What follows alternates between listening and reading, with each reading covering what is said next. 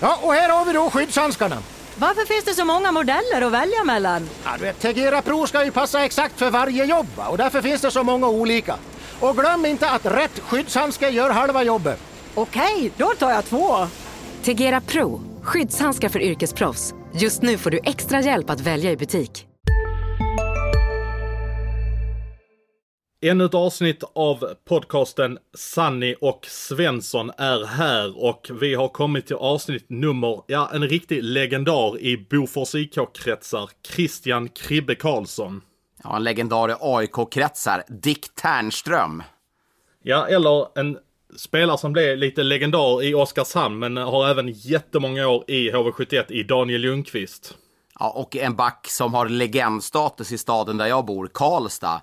Sigge Fockin. Sigge Fockin, ja det är nog kan bland det hårdaste som har spelat i elitserien genom tiderna. Hallå Sigge! Hej, hej.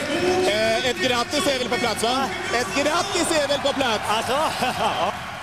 ja. Vad hände nu när slutsignalen ljöd? Vad kände du inom dig? Uh, det är inte så speciellt men ja, alltså, ja, det är ovanligt i alla fall. Det är så jävligt bra. Stämning här. Så, ja, det är så kul att vi vann. Precis just nu så jag jättenöjd, jätteglad. Så, ja, helt otroligt. Jättebra. Härligt Sigge, vi lär synas ikväll du också. Okay, ja.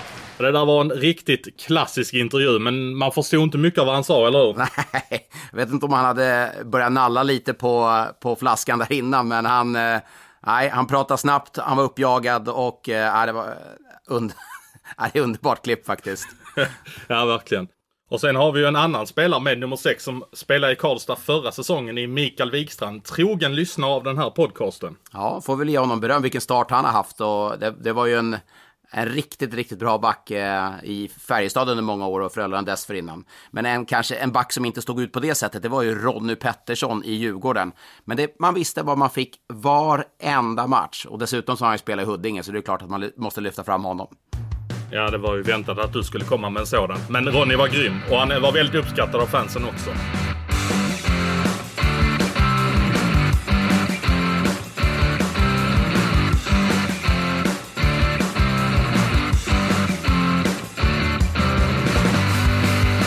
Ja, men vi tar och kastar oss in på det som händer här och nu och jag får höra lite signaler från Schweiz att uh, där finns lite bud ute på da David Ullström som faktiskt fick lämna sin KL-klubb Dynamo Riga här för någon vecka sedan. Uh, inget, inget, inte... inget HV på honom?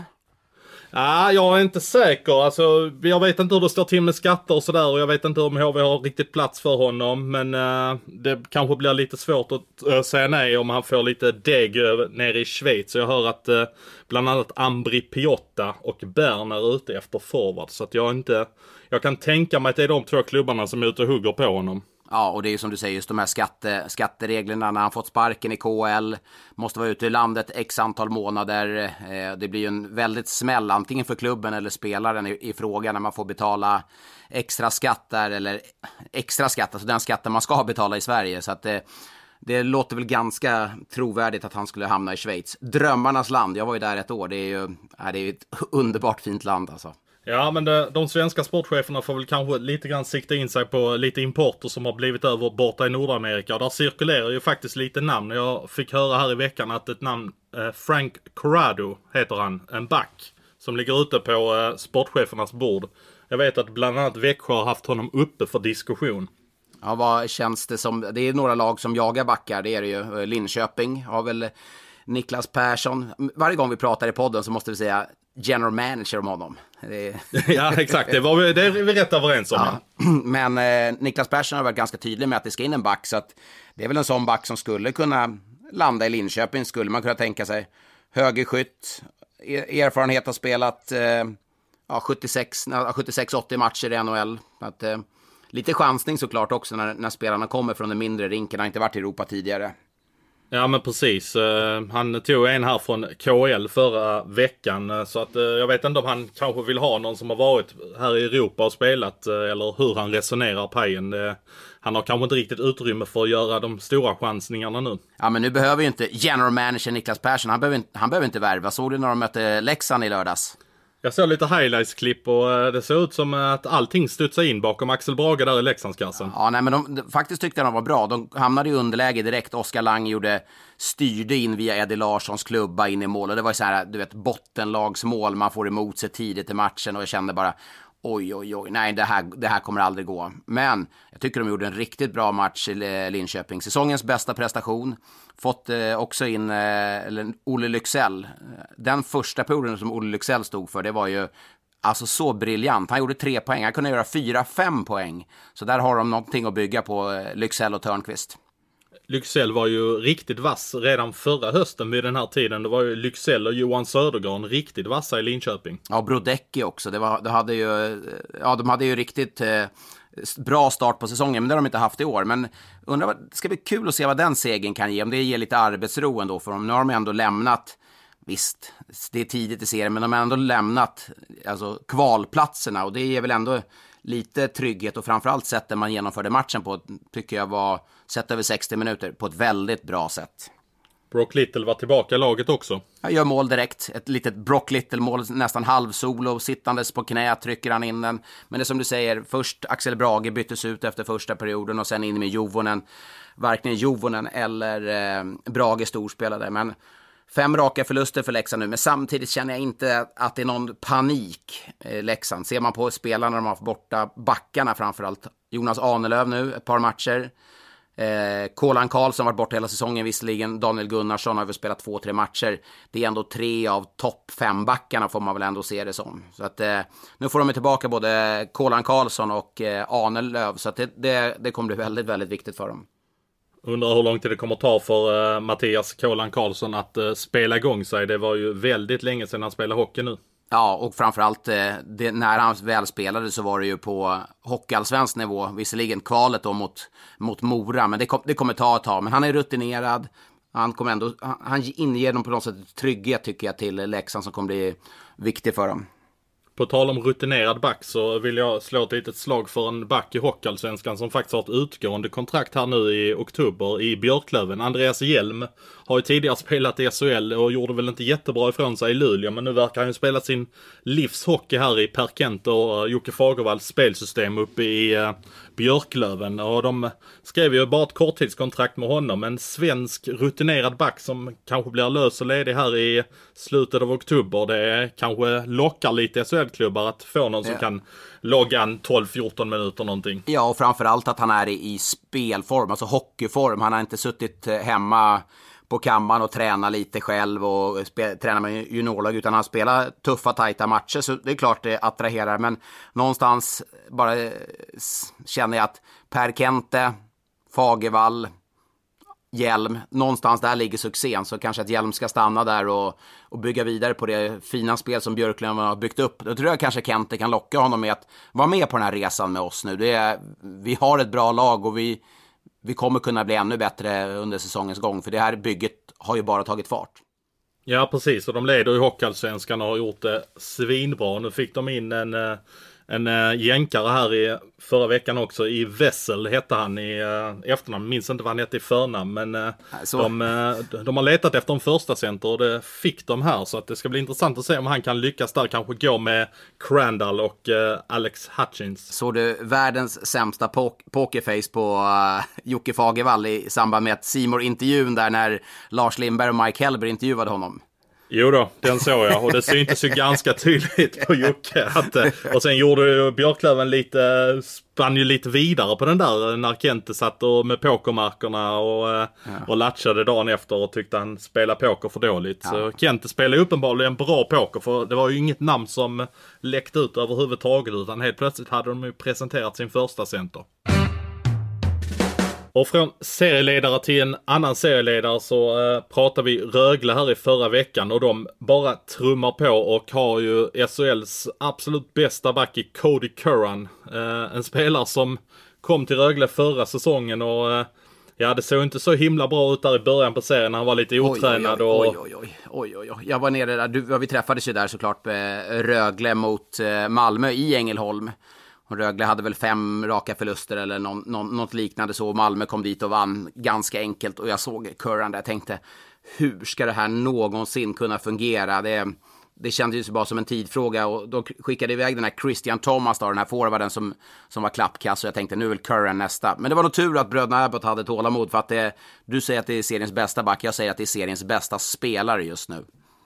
Det är så pass ja. Ja, ja. Nej, nej, men jag, men det- det, jag, jag hittar ingen som riktigt kan överträffa honom. Nej, men det är sanslöst. Alltså det, han, det jag tycker också när man ser honom, eh, att han har utvecklat offensiv, det såg vi redan i fjol, skicklig. Men han stack ju iväg på allting. Så fort de gick till anfall, då, då drog han som en forward. Och det var ju ru- ruggigt läckert att se på såklart. Men tappade lite i markeringsspelet. I år har han, man har själv blickat mot världens bästa backar och ser hur jobbar världens bästa backar? Jo, de måste ta ansvar i egen zon också. Gjort bättre avvägningar och jag tycker han är en mer komplett back som hanterar defensiven som offensiven på ett förstklassigt sätt. Så att den här är bara... Jag vet att det har varit lite diskussioner. Ja, men det är så dåligt SHL nu och när jag spelade var det bättre förr och hit och dit. Men bara passa på att njuta. Cody Curran, det är ju... Ja, det är ju... Ja, det är sanslöst så bra han är faktiskt. Har SHL haft en bättre back sedan eh, Lee spelade i Färjestad? Nej, jag skulle säga att han är på den nivån. Han är på Chris Lee-nivå faktiskt. Och jag spelade lite med Chris Lee det året jag blev skadad. Och ja, det var ju... Han, han kunde logga hur många minuter som helst, precis som Curran kunde göra. Och eh, spelade på ett...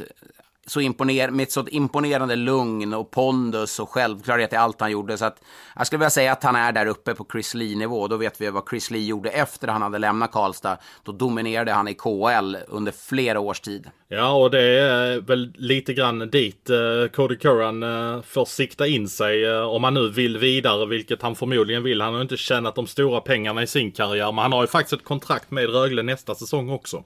Men det finns väl säkert en KL-klausul där tänker jag. Eh, borde det finnas. Antingen till en fast summa. Det, sånt där kan väl du lite, lite bättre än vad jag kan. Men det är klart att han kommer lämna för KL. Och jag ser ingen anledning varför inte en sån spelare ska sikta till NHL så bra som han spelar just nu. Nej, verkligen inte. Och det är lite intressant här med vad gäller Cody Curran som, som har varit uppe lite grann på tapeten eh, var ju att eh, ganska tidigt den säsongen han dominerade i Storhamar i Norge så eh, var ju både Malmö och Frölunda och tittade på honom och ja, de tyckte inte att det var tillräckligt bra helt enkelt så de, eh, de beslöt sig för att inte gå vidare och jag vet att det mullrar lite grann i Malmö för att, eh, att de faktiskt sa nej, Martin Fölander och Mattias Tjärnqvist som faktiskt nu är i Rögle som, eh, som var och tittade på honom och eh, att de sa nej till en sån back, eh, det, det- tror jag retar dem ordentligt. Ja, men det, det är så mycket marginaler och små marginaler och det, det ska passa in och eh, alltså, han kanske inte hade lyckats i Malmö eller Frölunda. Man tycker, nu när man ser han spela nu så är det ett underbetyg till samtliga klubbar som inte signade honom såklart. Men starten i Rögle var ju, den var ju faktiskt då, den var ju riktigt dålig. Och då var det ju ingen som, eh, som frågade Filander, varför tog inte vi honom? Eller frågade Roger Rönnberg varför man inte plockade in Cody- Cody Curran. Men det är klart att många ställer sig den frågan nu med tanke på hur, hur bra han presterar.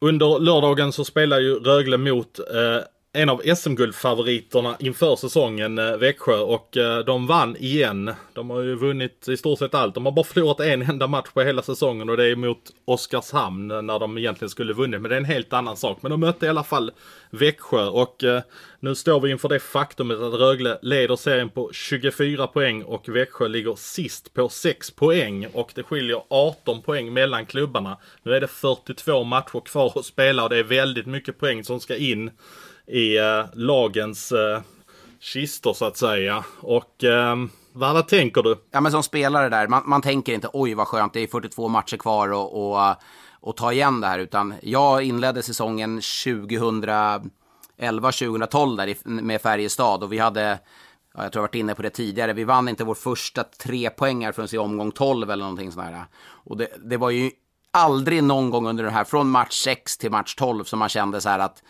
oj, nej, det är så mycket matcher kvar, vi har tid att re repa det här. Utan stressen, paniken, självförtroendet, liksom, självförtroendet var ju kört i botten och stressen bara var påtaglig. Vad man än gjorde så blev man påminn om det här. Eh, så det är, en, det är en enorm stress, även om Sam Hallam är rutinerad och lugn. Henrik Evertsson har varit med och byggt upp det här laget under många års tid och Hellgren tränar där. Som spelare så är det en enorm stress.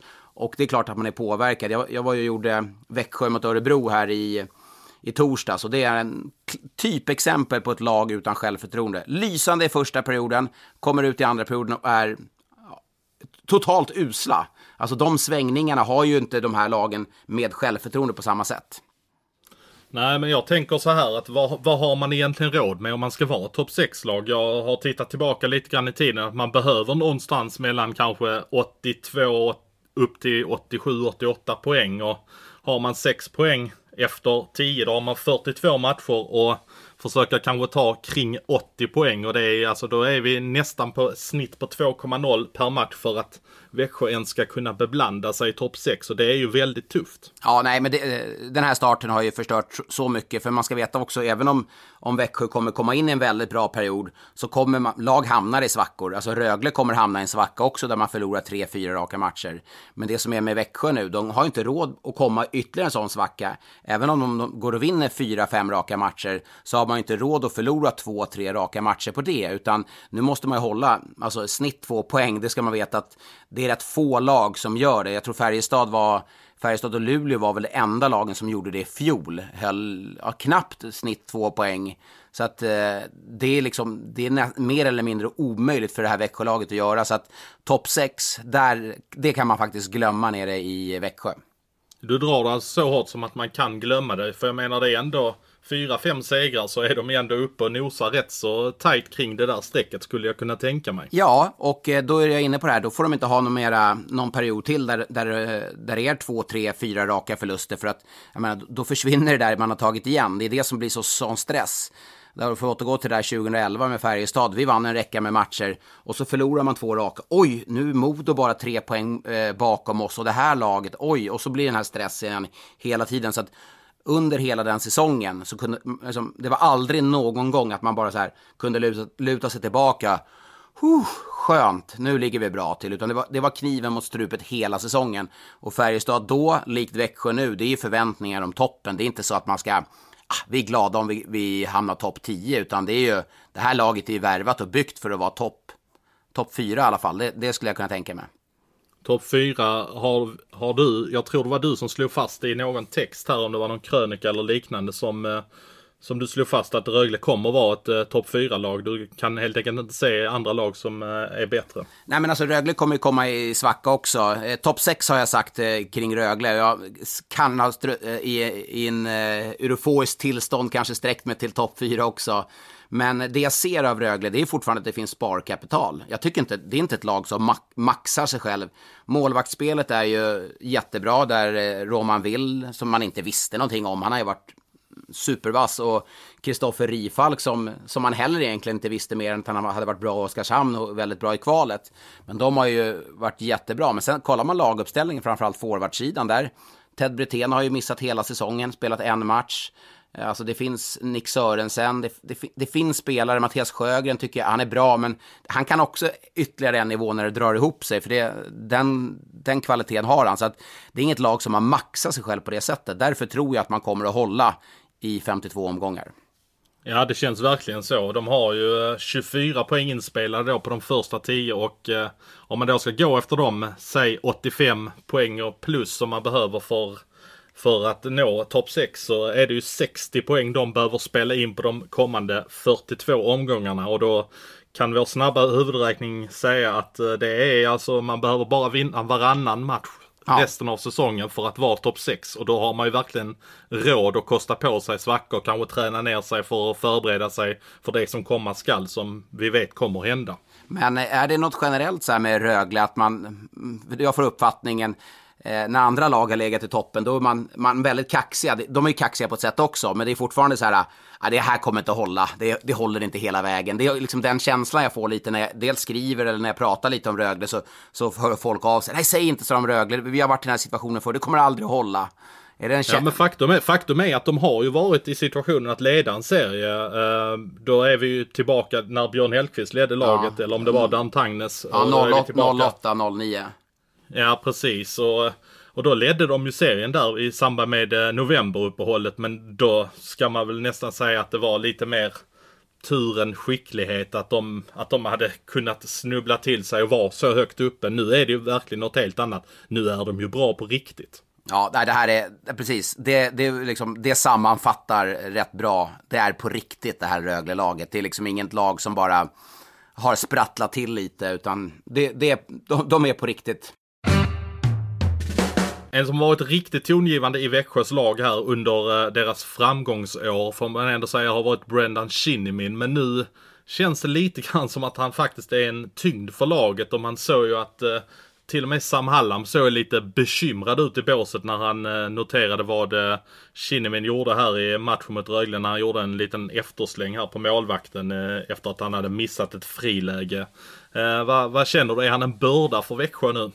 Ja, det här är ju en gränsboll. Brandon Shinnimin upprör ju känslor, men just nu känner jag att han levererar och spelar inte på, på den nivån som han ska göra. Och han tar utvisningar, han sätter laget i situationer. Sen går det att diskutera om det var en spearing eh, på Mattias Bromé i, i torsdags. Det går att diskutera, men han ska inte ge domarna en möjlighet att ta den utvisningen eller tillåtas bedöma huruvida det är en slashing eller spearing.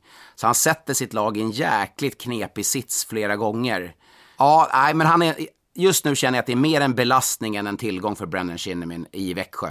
Jag är lite grann inne på att eh, uh, Shinnimin är ju en av spelarna som har fått ett uh, litet samtal från eh, Pontus Petterström i uh, SHL som är utsänd av Johan Hemlin för att liksom ge spelarna som har varit lite upp till granskning av referensgruppen och sådär, ge dem en liten heads up att nu är det kanske dags att lugna ner sig. Jag är ganska säker på att Shinnimin är en av de spelarna som har fått det samtalet av honom. Ja, det tror jag också. Eh, Pontus Pettersson, han ska ju ringa runt till eh diverse spelare som har filmat eller gjort varnat och mer sagt att vi har noterat vad du har gjort. Sker igen då, då får du en böter för filmning till exempel, eller en avstängning.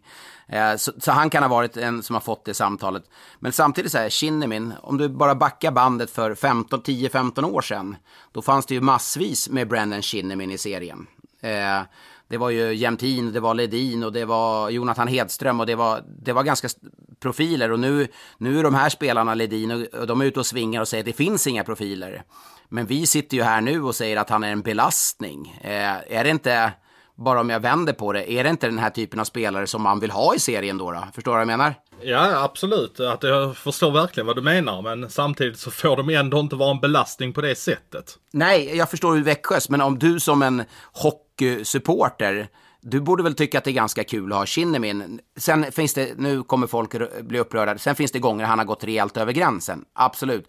Men det är en spelare som i slutspelet i fjol, det var ju Luleå-publiken eh, eh och Luleå-publiken var, gick ju alltså man ur huset för att bua åt Brandon Shinnimin i, i, under kvartsfinalen. Och, eh, du nämnde väl att Ulf Engman som var sportchef eller någonting, han hade stått och skrikit inför premiären Chicken Shinnimin, var det något liknande? Ja, eller var det, var det vdn som var uppe på scenen? Ja, Stefan var... Enbom tror jag det var som var uppe på scenen eh, på supportrarnas förfest och drog igång Chicken Chinnimin. Men då menar jag, det är väl delvis sådana här spelare som rör upp känslor som vi vill ha. Eh, alltså, nu pratar jag utifrån Växjö. Där är vi inne på att han, han är en belastning för Växjö. Just nu, absolut. Men för serien, är det inte sådana spelare som, ja, men, som sticker ut lite åt i det här hållet att det är en gris då, för att tala klarspråk? Ja, det, jag håller verkligen med om att det behövs den typen av spelare. Men då, det, får, det får ju ändå inte spåra ur. Jag menar Mattias Bromé kan jag tycka är en profilstark spelare också. Men det han gjorde var ju ganska osportsligt. Jag hörde att, faktiskt på sändningen att du, din spontana reaktion var att du skrattade till lite grann när han ja. stod och jublade åt utvisning eller sådär. Så det verkar ju som att du som neutral hockeyåskådare ändå blev lite underhållen av att han bjöd på det där. Ja, och sen har jag sett det i efterhand och, och den situationen Eh, domarna, det är det perfekta. Hade Kinnemin fått 2 plus 2 för slashing och Bromé fått 2 minuter för eh, unsportsmanlike conduct, alltså osportsligt uppträdande. Det hade egentligen kanske kunnat varit den bästa lösningen på det. Men eh, nej, men eh, Bromé är ju också en, en, stor profil i, i ligan och det är ju Kinnemin på sitt sätt också. Sen vill man ju inte, de här gångerna när det spårar ut för honom, det är såklart att det vill man undvika. Men det har du gjort historiskt sett med alla de här eh, på gränsen spelarna som vi kanske upplever att vi saknar lite idag, eller många fans i alla fall upplever att vi saknar idag. Ja, men jag kan också tro att detta hänger ihop lite grann med att det, det, det blev ett helt annat drev efter de här spelarna än vad det blev för 10-15 år sedan. Jag menar, de riskerar att eh, deras familjemedlemmar blir uppsökta på sociala medier ja. och allt det här. Om man, om man flippar ut likt i en tv-intervju som Jonte Hedström hade någon för ett antal år sedan där han sa ett par väl valda och ja, jag tror inte riktigt, jag tror man håller tillbaka lite för att man vet att det, det kan faktiskt ställa till mer skada än vad det faktiskt ger bara för att man ska vara en färgstark profil. Ja, men det är eh, helt enig att det, det, kostar mer än vad det ger egentligen. Jag tror man inte vågar. Och det är, det är ett klimat som har skapats med sociala medier. Det blir ju ett, ett väldigt drev mot eh, spelare. Alltså jag är glad att sociala medier var väl i sin linda under mina sista år. Men tänk om man råkar göra någon jag som ändå har alltid varit aktiv på sociala medier, eh, delvis sista året när jag spelade också, men jag menar, om man gjorde någonting, jag hade en hög klubba på han Janos Hari där i Modo och Twitterkonto höll på att explodera. Det här var 2011 någonting kanske. Och då var ju inte Twitter så stort som det är nu. Nej, men det är nu. Jag menar, om jag, om jag slinker lite på tungan i en simorsändning och säger något som inte passar eller, alltså det är ju, det är ju så många som ska jaga en med högaffel liksom. Det är, är helt galet. Och då kan jag tänka mig hur det är för spelare och därför, därför kommer vi inte få de här, eh, ja, Jämtin och Ledin om det är nu en en spelartyp man saknar. De kommer, inte, de kommer inte finnas, för de spelade kostar för mycket för att sticka ut på det sättet. Ja, verkligen. Det, och det är tråkigt att det är så, men det, det, är nog tyvärr så sanningen ser ut. Och jag vet inte riktigt vad man ska göra åt det, för jag tror bara man matar de som håller på och trollar om man, om man pratar mer om det och att de, de göds av det så att säga. Mm. Ja, det ser man ju nu här i, i Brynäs som ett annat litet man får väl kalla dem ett krislag då. Eh, om man vänder blad från Växjö så är det ju ett Brynäs ett krislag. Där gick ju Magnus Sundqvist ut och, och vittnade om att spelarna har fått hat-sms. Alltså från, eh, jag kan väl tänka mig att det är supportrar, eller så kallade supportrar får man väl säga i det här fallet. Och det är ju fullkomligt, det är så hjärndött så jag saknar ord, förstår du? Tror man att spelarna ska bli bättre eller tror inte de förstår allvaret av tabellplaceringen? Det är ju, det är så låg nivå så jag saknar ord. Ja, jag vet inte riktigt vad det är för människor som gör det. Men eh, alltså jag har ju upplevt det här att eh, är man supporter till ett lag och eh, och man känner att det går åt skogen så kan du nästan slinka ur precis vad fan för skit som helst ur, ur folk. Det är stundtals riktigt obehagligt och, och det räcker ju med bara någon liten förlust eller någon tavla från en målvakt så så kan det ju eskalera duktigt ute på sociala medier och det, jag upplever det ju som att folk är ju verkligen, de står ju för det och gör det på sina Facebook-konto där man där det syns vem man är. Det är inte bara det att man skickar ett, ett hotbrev med ihopklippta bokstäver utan folk står ju verkligen för vad de håller på med. Ja, det, ja det, nej, men det är en skrämmande utveckling så med sociala medier och allt det där. Var hur lättillgängligt allting är. Alltså, du är bara ett knapptryck bort. Har du skrivit eller sagt någonting eller gjort någonting eller jag har gjort något i studion eller på den här podcasten för den delen så, så är man ju ett knapptryck bort och då, eh, då kan det gå rätt snabbt och man tänker kanske inte två gånger innan man skri skriver eller säger någonting och, och det är väl inte alltid så jättelyckat. När jag eh, fick eh, spekulera lite grann vilka som eh, skulle sparkas först inför säsongen så, så sa jag faktiskt att Magnus Sundqvist var den som jag trodde skulle hänga mest risigt till och det är ju det som är känslan just nu också att han är den som hänger mest risigt till. Han är ju lite grann utanför den här familjen i Gävle. De är ju en rätt tajt familj med Ove Molin och Dakell och Sundlöv och hela gänget där. Eh, ska han eh, bort eller vad tänker du? Ja, jag var precis som du var så fick jag också den frågan och eh, det, jag svarade också Magnus Sundqvist just av att ambitionerna som Brynäs har i sitt spel, eh, i sin framtid och vinna x antal guld på tio år. Eh, då kändes det som att det var lite verklighetsfrånvänt. Jag hade dem som 10-11 någonstans när jag tippade serien och de har ju, de har ju målsättningen att vara topp 6. Och det rimmar ju illa när jag jämför med andra lag i serien så är inte Brynäs så bra tycker jag. Så av den anledningen så, så, hängde Magnus Sundqvist löst när jag spekulerade inför säsongen. Men med tanke på hur det har gått och fra, framförallt hur spelet ser ut så ja, det, den här, det är känt, alltså det här är samtidigt, vem ska de plocka in? Det är just det man måste ställa sig frågan. Finns det något bättre? Nej, men det är ju i så fall om Ove Molin kan tänka sig att leda laget. Han har ju ändå lett Karlskrona i SHL och det gick ju förvisso kanske inte riktigt så bra som eh, han trodde att det skulle göra. De åkte ju faktiskt ur när Ove Molin var eh, huvudtränare i Karlskrona med ett mycket sämre material, ska tilläggas. Ja, absolut. Men, äh... men, ja, men det där är också, också vi bara... Vi är specialister på det vi gör, precis som du. Därför försäkrar vi på Swedea bara småföretag, som ditt. För oss är små företag alltid större än stora och vår företagsförsäkring anpassar sig helt efter firmans förutsättningar.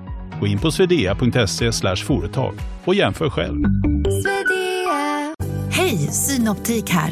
Visste du att solens UV-strålar kan vara skadliga och åldra dina ögon i förtid? Kom in till oss så hjälper vi dig att hitta rätt solglasögon som skyddar dina ögon. Välkommen till Synoptik. Bara spinner vidare på det vi pratade om innan där med sociala medier. Det får ju vara väldigt vi kan ju i våra roller kan ju starta ett väldigt drev. Jag var kritisk mot Magnus sätt att hantera media eller sättet han pratar om laget som dem och inte vi. Det tycker jag, som, som gammal spelare så, så skickar det väldigt dåliga signaler till mig. Att de förlorar, de, de, de presterar inte, de är inte redo. Som tränare ibland så måste du bara stå som en mur framför ditt lag, alltså utåt sett. Att ja, jag har inte förberett spelarna, jag tar på mig den. Sen i omklädningsrummet, ja men där är det högt i tak och där kan man vädra vad man tycker och tänker. Eh, men det tycker jag Magnus, där har han gått bet lite och det undrar jag hur, hur spelarna har reagerat på det i omklädningsrummet. Hur tror du att eh, tongångarna går? i Ett omklädningsrum har, eh, har liksom spelarrådet samlats och diskuterat situationen och har de gått upp till VD Micke Campese eller hur resonerar man som spelare i ett sånt läge? Det är sällan som, eh, som eh, eh, alltså ett spelarråd är ju då, för att förtydliga, det är väl oftast fem, sex spelare, man, ledande spelare, plus att man brukar ta ut någon, någon yngre spelare så man, får, så man får en representant för alla, inte grupperingar, men för alla i omklädningsrummet. Eh, och det är sällan att man, jag har sett att det spelar både i Timrå och Färjestad under många år, man, blir, man, går, man går inte till en sportchef, eh, man går inte till en vd, utan man blir egentligen uppkallad till en sportchef eller en vd. För att de, de vill ju veta hur stämningen är eller hur det går. Och varför spelet ser ut som det gör, vad de har för tankar. Så att den kontakten tror jag finns fortlöpande utan att det behöver betyda att Magnus Sundqvist för den delen hänger lös. Men det tror jag definitivt att eh, de har varit uppe hos Dakell, Micke Sundlöv, som, var har han tagit vägen, Micke Sundlöv? En av Sveriges ja, bästa och mest meriterade sportchefer. Han, jag hör ingenting från honom. Det är Dacke signar, det är Dacke dit och Dacke det och Dacke uttalar sig i media. Sundlöv, det är sportchefen. Ja, jag har inte heller sett skymten av honom speciellt mycket här. Det jag hörde var ju att han skulle få sätta sig in i allting. Men det, den tiden borde ju vara passerad för länge sen kan man ju tycka. Ja, men det är ju kris. Alltså det, det är ett lag i kris. Det, det, han kanske jobbar jättemycket bakom kulisserna, men jag vill ju höra vad han säger.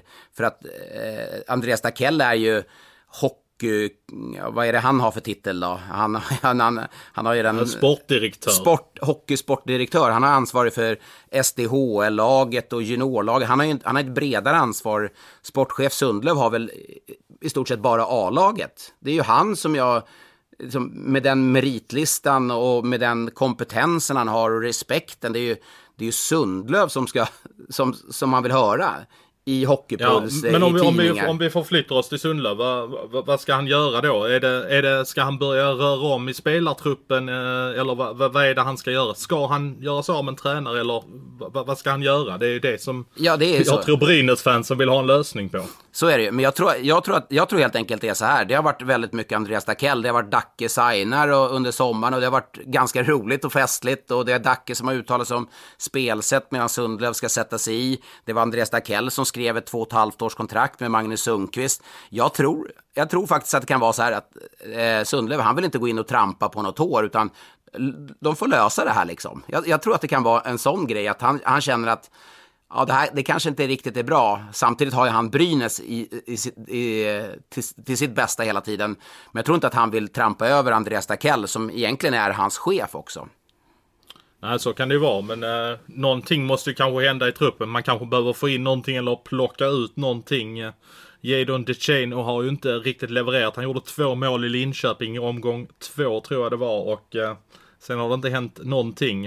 Eh, minus 10 har han också.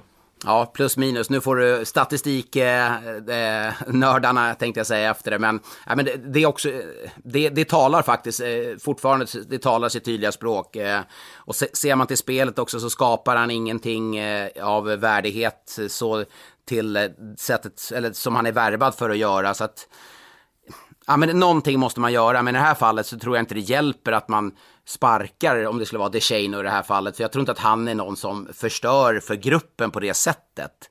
Eh, så att, eh, och då kan det vara lättare att lyfta bort en tränare, men samtidigt är det ett strukturellt problem för Brynäs, för att det är ingen tillfällighet att man sparkar Roger Melin, Tommy Sjödin och nu sitter vi och spekulerar om Magnus Sundqvist här. Eh, och jag menar, Sundqvist, vad har han vunnit?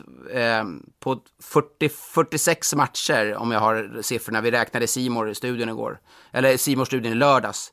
På 46 matcher som eh, huvudtränare i Brynäs har han vunnit 15. Känn på den. Mm. Ja, alltså, det, är, det är skrämmande statistik när man lägger upp det så. Ja, och då, Magnus är ju ett superproffs, jättetrevlig kille, men han, han ser ju också till siffrorna och förstår ju att visserligen ett, ett lag som inte var i närheten så bra i fjol som det är i år, men siffrorna går inte att komma undan. Det är alltså 15 segrar på eh, 46 matcher. Brynäs möter Oskarshamn hemma i nästa omgång. Kan det vara någonting som räddar upp situationen lite tillfälligt? Att man får in lite luft under vingarna, får lite självförtroende?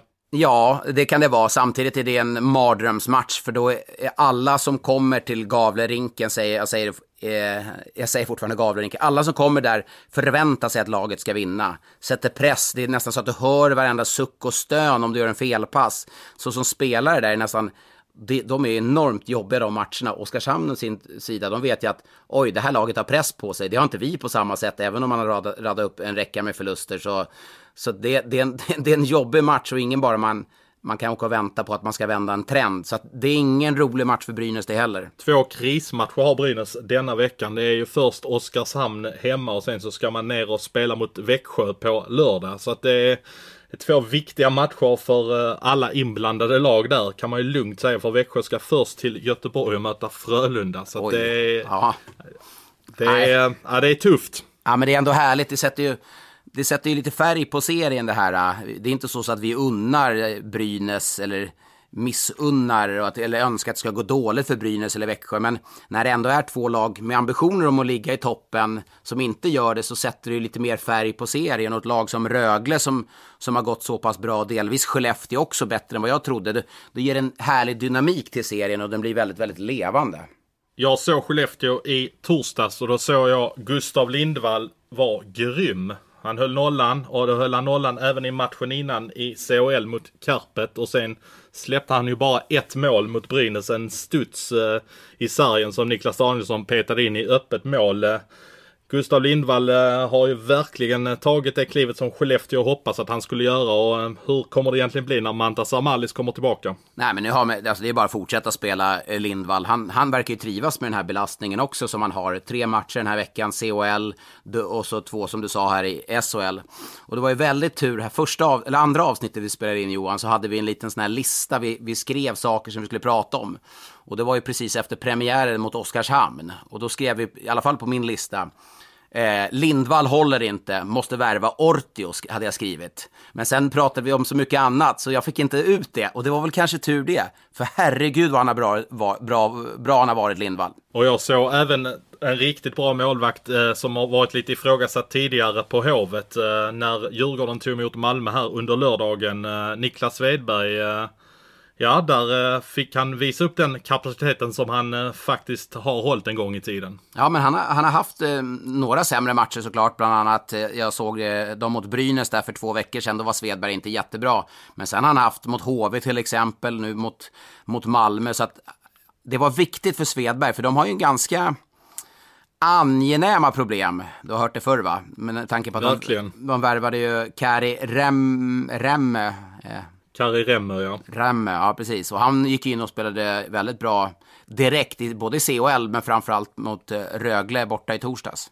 Ja, och det, det blev en liten intressant situation här i Djurgården när, eh, för de har ju egentligen en målvakt här bredvid Niklas Svedberg, Robin Jensen som eh, som fick stå lite matcher här i början innan han blev skadad. Då hade de ju stått två var tror jag det var. Så, och sen kommer Kari Remmer in och skriver ett kontrakt för hela säsongen men det kan ju avbrytas efter sex veckor och det kommer ju sätta Jocke Eriksson eh, där i en liten situation vad han ska göra när Robin Jensen är tillbaka i spel och Remme och Svedberg har skapat en väldigt gynnsam situation där målvakterna sporrar varandra. Det kan både vara kul att ta det beslutet och jobbigt att ta det beslutet. Ja, och sen är det också en aspekt som man måste se vad eh, Djurgården om de ska bli slagkraftiga över tid så, så tycker jag också att man behöver stärka upp målvaktssidan och, och ge Svedberg konkurrens.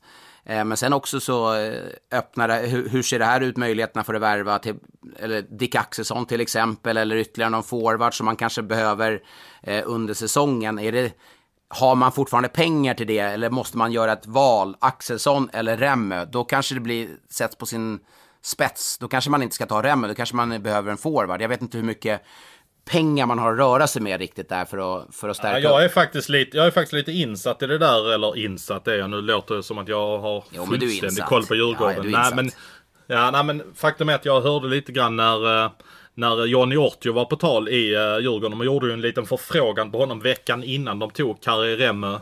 Uh, och då, uh, då var de liksom i valkvalet, ska vi göra det här nu eller måste vi spara pengar för att vi ska kanske kunna lyfta in någonting ytterligare i truppen? Eh, typ då Dick Axelsson som det pratas mycket om.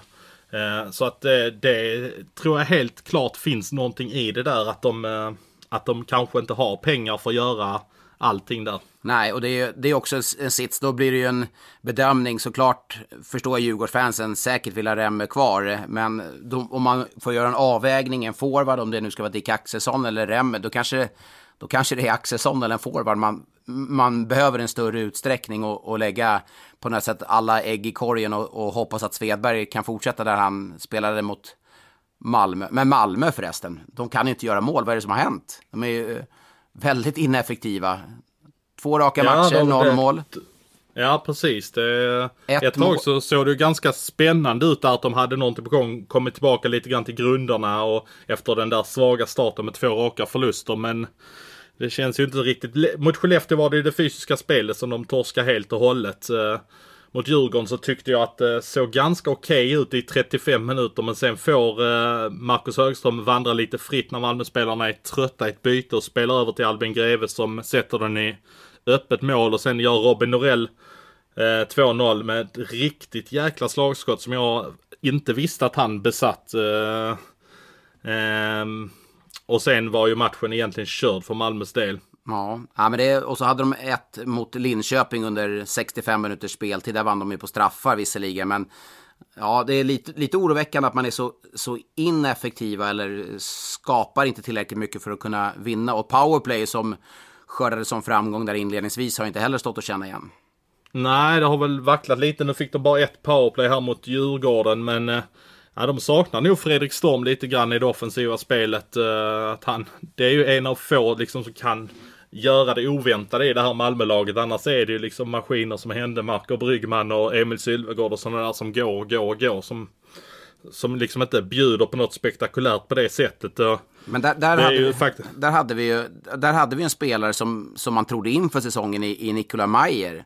Som poängkung i Hockeyallsvenskan. Då känns det ändå som att gör man poäng i Hockeyallsvenskan då kan man också göra poäng i SHL. Såklart inte i samma utsträckning, men nu har ju han fått lite mer chans nu när Storm har varit borta med det. Vad, vad, vad, vad lyder det? Är det tillbaka till allsvenskan för att bygga självförtroende eller håller han i SHL eller passar han inte in i Malmö? Nej, jag, jag tycker det är snarare så att Malmö inte riktigt har hittat en... Eh, vad hade de för plan när det gäller Nikola Meyer är ju min fråga. Eh, var tänkte de sig att han skulle spela? För att om man tittar på utgångsuppställningen så får han inte spela i powerplay och varför tar man in en poängkung från Hockeyallsvenskan som, som inte får spela powerplay? För mig är det obegripligt. Sen är det klart att man ska liksom förtjäna sin plats och jobba sig uppåt i ett lag och det är väl lite där jag tror Nikolaj Meyers självbild kanske brister lite grann. Att han trodde att allting skulle gå som på en räls och han skulle få spela, var det king i Malmö också. Men riktigt så är det ju inte utan han har väl kanske haft problem att underkasta sig det hårda jobbet som faktiskt krävs som en grund för att klara av att spela i det här Malmölaget. Så att jag, jag är skeptisk till liksom var det här ska ta vägen. Hans självförtroende är i botten och vilka signaler sänder han ute på isen och i båset och så vidare. Är han beredd att, att jobba så hårt som alla andra ska göra i laget för att det ska fungera för Malmö?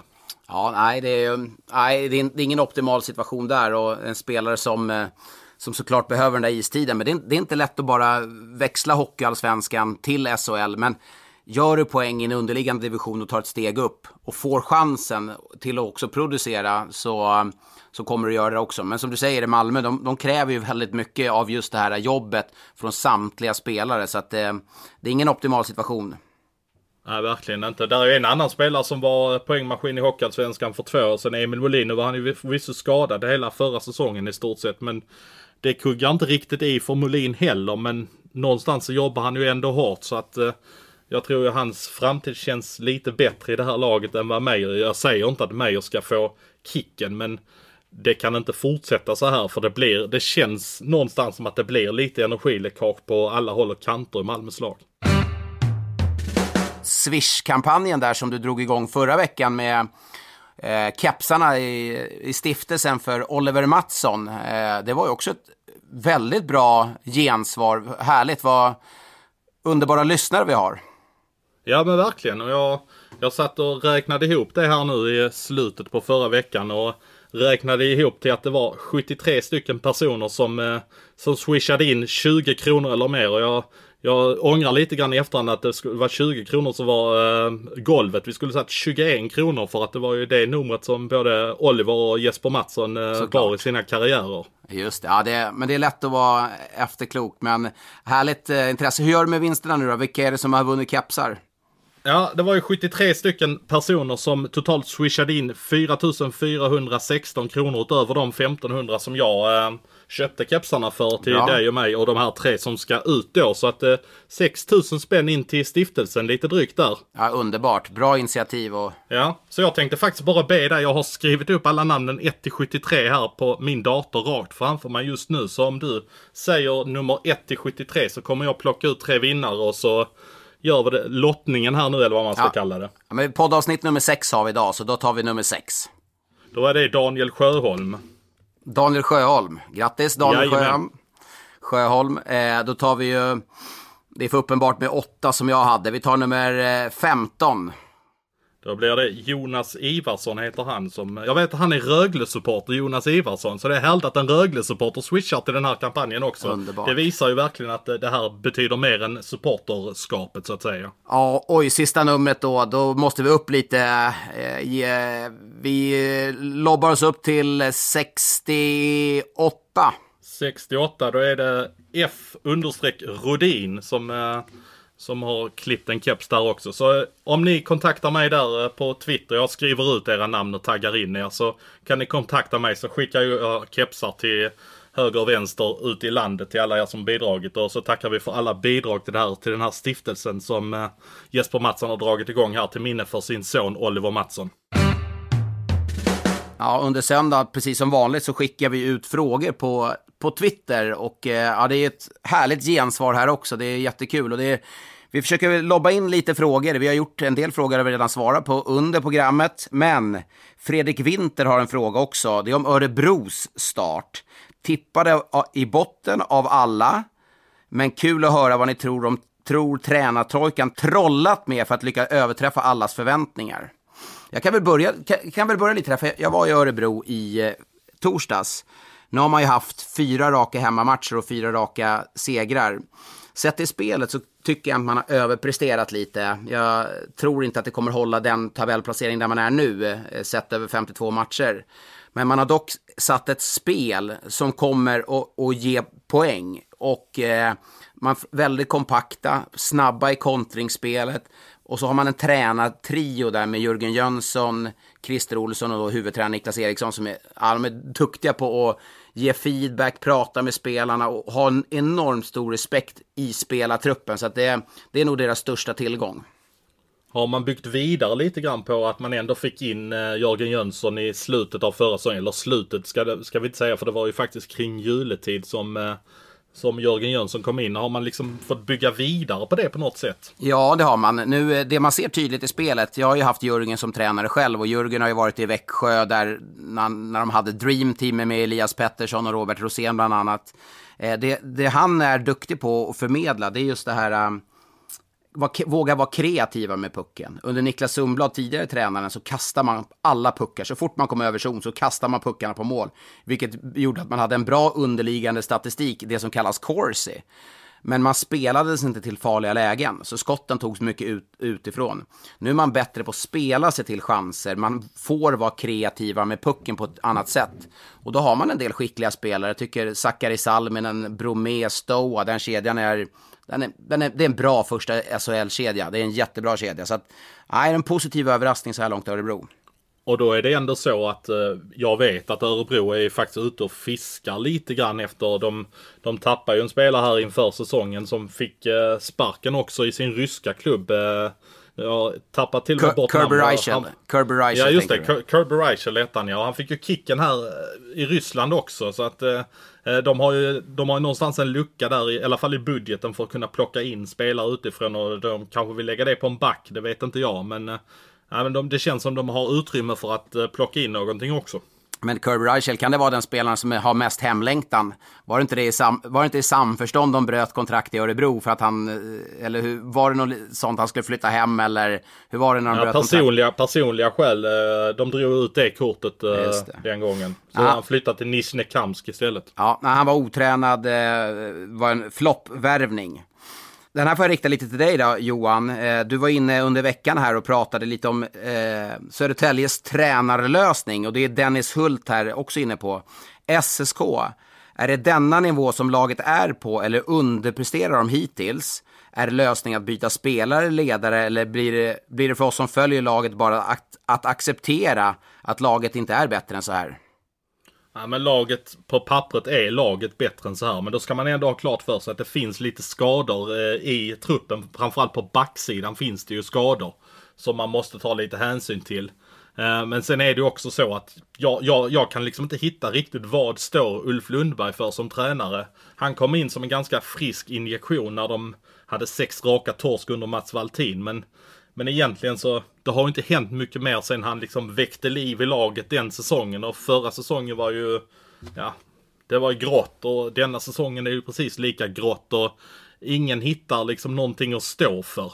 Uh, vad va, va är Södertälje? Vad är deras spel? Hur vill de spela? Och, nej, jag, jag vet inte vad svaret är på den frågan. Så därför så hävdar jag ju att uh, det är ju garanterat Ulf Lundbergs sista säsong som tränare. Men frågan är om de behöver rycka bort honom redan nu.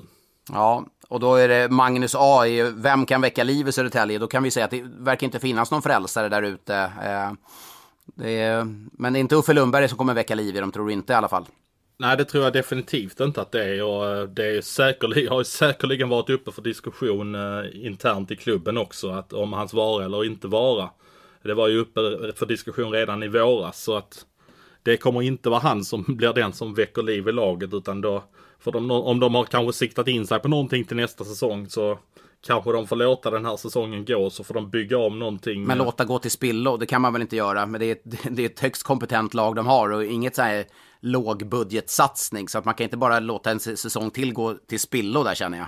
Nej, det, det är svårt att göra det. Men mm. vad, vad, ska man göra? Alltså det om det inte finns någon tränare där ute som det, det kanske finns någon tränare men då kanske den tränaren vill ha kontrakt nästa säsong också. Då kanske man inte riktigt känner för den tränaren mer än en säsong. Och man kanske vill ha en tränare som vill gapa igång dem eller någonting. Vad är Perra Jonsson när man behöver honom? Ja, är han den som gapar igång dem då? Ja, Perra, Perra, han, kommer, han skulle få igång det där laget på nolltid kan jag säga. Kanske inte skulle få igång dem över treårsperiod. Den här säsongen skulle de få en rejäl uppryckning. Så att om eh, nu eh, någon i Södertälje-ledningen lyssnar på det här avsnittet så är det bara att ringa till Perra Jonsson. Messa mig, jag har hans nummer. Men jag är inte hans agent. Nej, men vad säger du om att Andreas Johansson skulle kunna komma in och gapa igång dem lite då? Ja, under en kort, kort period så skulle Andreas Johansson vara jättebra där också. Inte, inte på lång sikt, men under en kort period.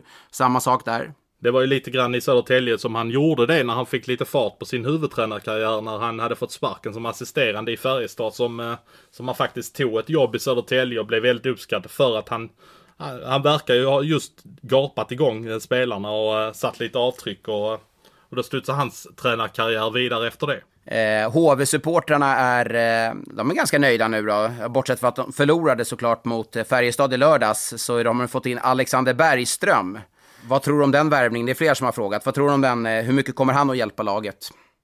Ja men på sikt kommer ju Bergström säkerligen hjälpa det laget ganska mycket. Det är ju en eh, klassspelare men man kan ju inte låta bli vara lite halvt oroad i alla fall för att dippen har ju liksom kommit i KHL. Han, eh, han producerar väldigt bra första säsongen i KHL men eh, gick ju ner sig säsong två i KHL och kommer nu hem med ganska mycket på sina axlar att han, det förväntas ju rätt mycket av honom och, och det är inte så att Alexander Bergström har spelat i SHL hela sin karriär och levererat 40 poäng under 10 säsonger utan det är ju faktiskt en spelare som blommar ut rätt sent i karriären och har haft någon bra, två bra säsonger i Karlskrona i SHL.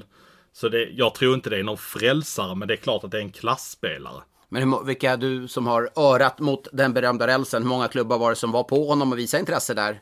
Jag hörde att det var eh, uppåt fem stycken till slut som i alla fall förhörde sig när det blev skarpt läge.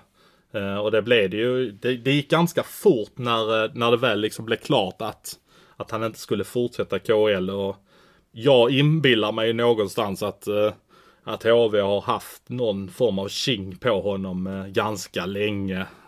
Om det inte skulle bli KL. Förra veckan så överrumplade mig lite grann när du eh, drog igång en liten tävling mot mig eh, som du kallar Elite Prospect-spelare. När du eh, satte fem olika nivåer och beskrev en spelare och vad den här spelaren hade gjort i sin karriär. Och du hade ju uh, Jocke Lindström där i Skellefteå som uh, jag skulle ta på 5, 4, 3, 2 och 1 poäng. Jag tog det ju på 3 poäng. Kan tycka det var godkänt. lite skämmigt. Nej, godkänt. Ja, men lite skämmigt i efterhand kan jag tycka ändå. Min fru tog det på 4 poäng då. Hon är totalt ointresserad av hockey så att det, får se det där. ja, men det, det, det, är bra. Hon har väl påverkats lite grann av att leva med det då. Nej, men i alla fall jag har, uh, jag har tagit ut en spelare som jag tänkte du skulle få ta. Nu nu varnar jag för att jag, jag tycker att det blir ganska tufft på femman. Men uh, det ska vara tufft på femman. Ja, jag plockar fram papper och penna då. Jag gör mig redo. Ja. Då kör vi på fem poäng. Den här spelaren har endast representerat en enda SHL-klubb i sin karriär. Det är Frölunda Indians. Oj, ja. Ja, det är många som... Ja, men det, det, det fortsätter på fyra poäng. Sin första SHL-säsong noterades han för, ja du kan kalla det ynkligt om du vill, men han gjorde två mål och noll assist. Nej, då vill jag ha, vill jag gå vidare. Ja. Nu, är det skamgränsen vi är nere på nu? Nej, men eh, tre är väl bra och två är godkänt då. Men jag, ja, jag tror att du klipper det här nu på tre då. Redan som 17-åring var han med och tog VM-guld för 18-åringar.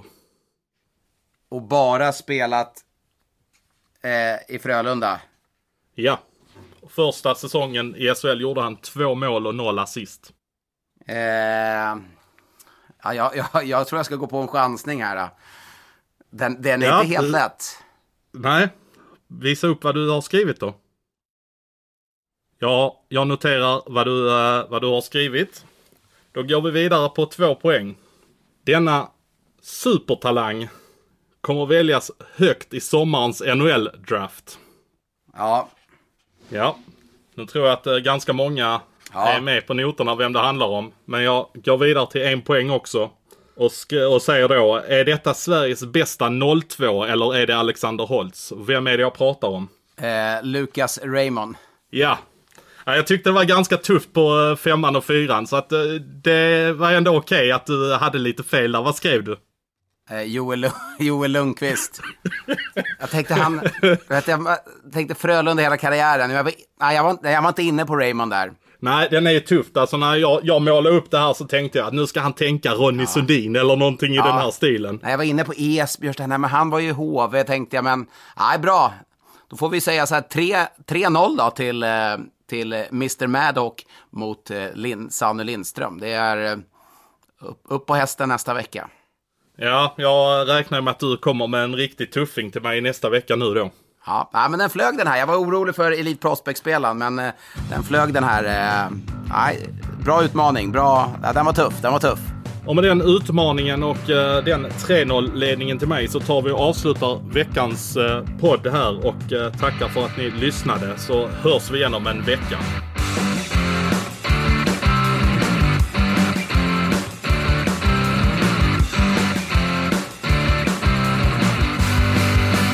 Du har lyssnat på en podcast från Expressen.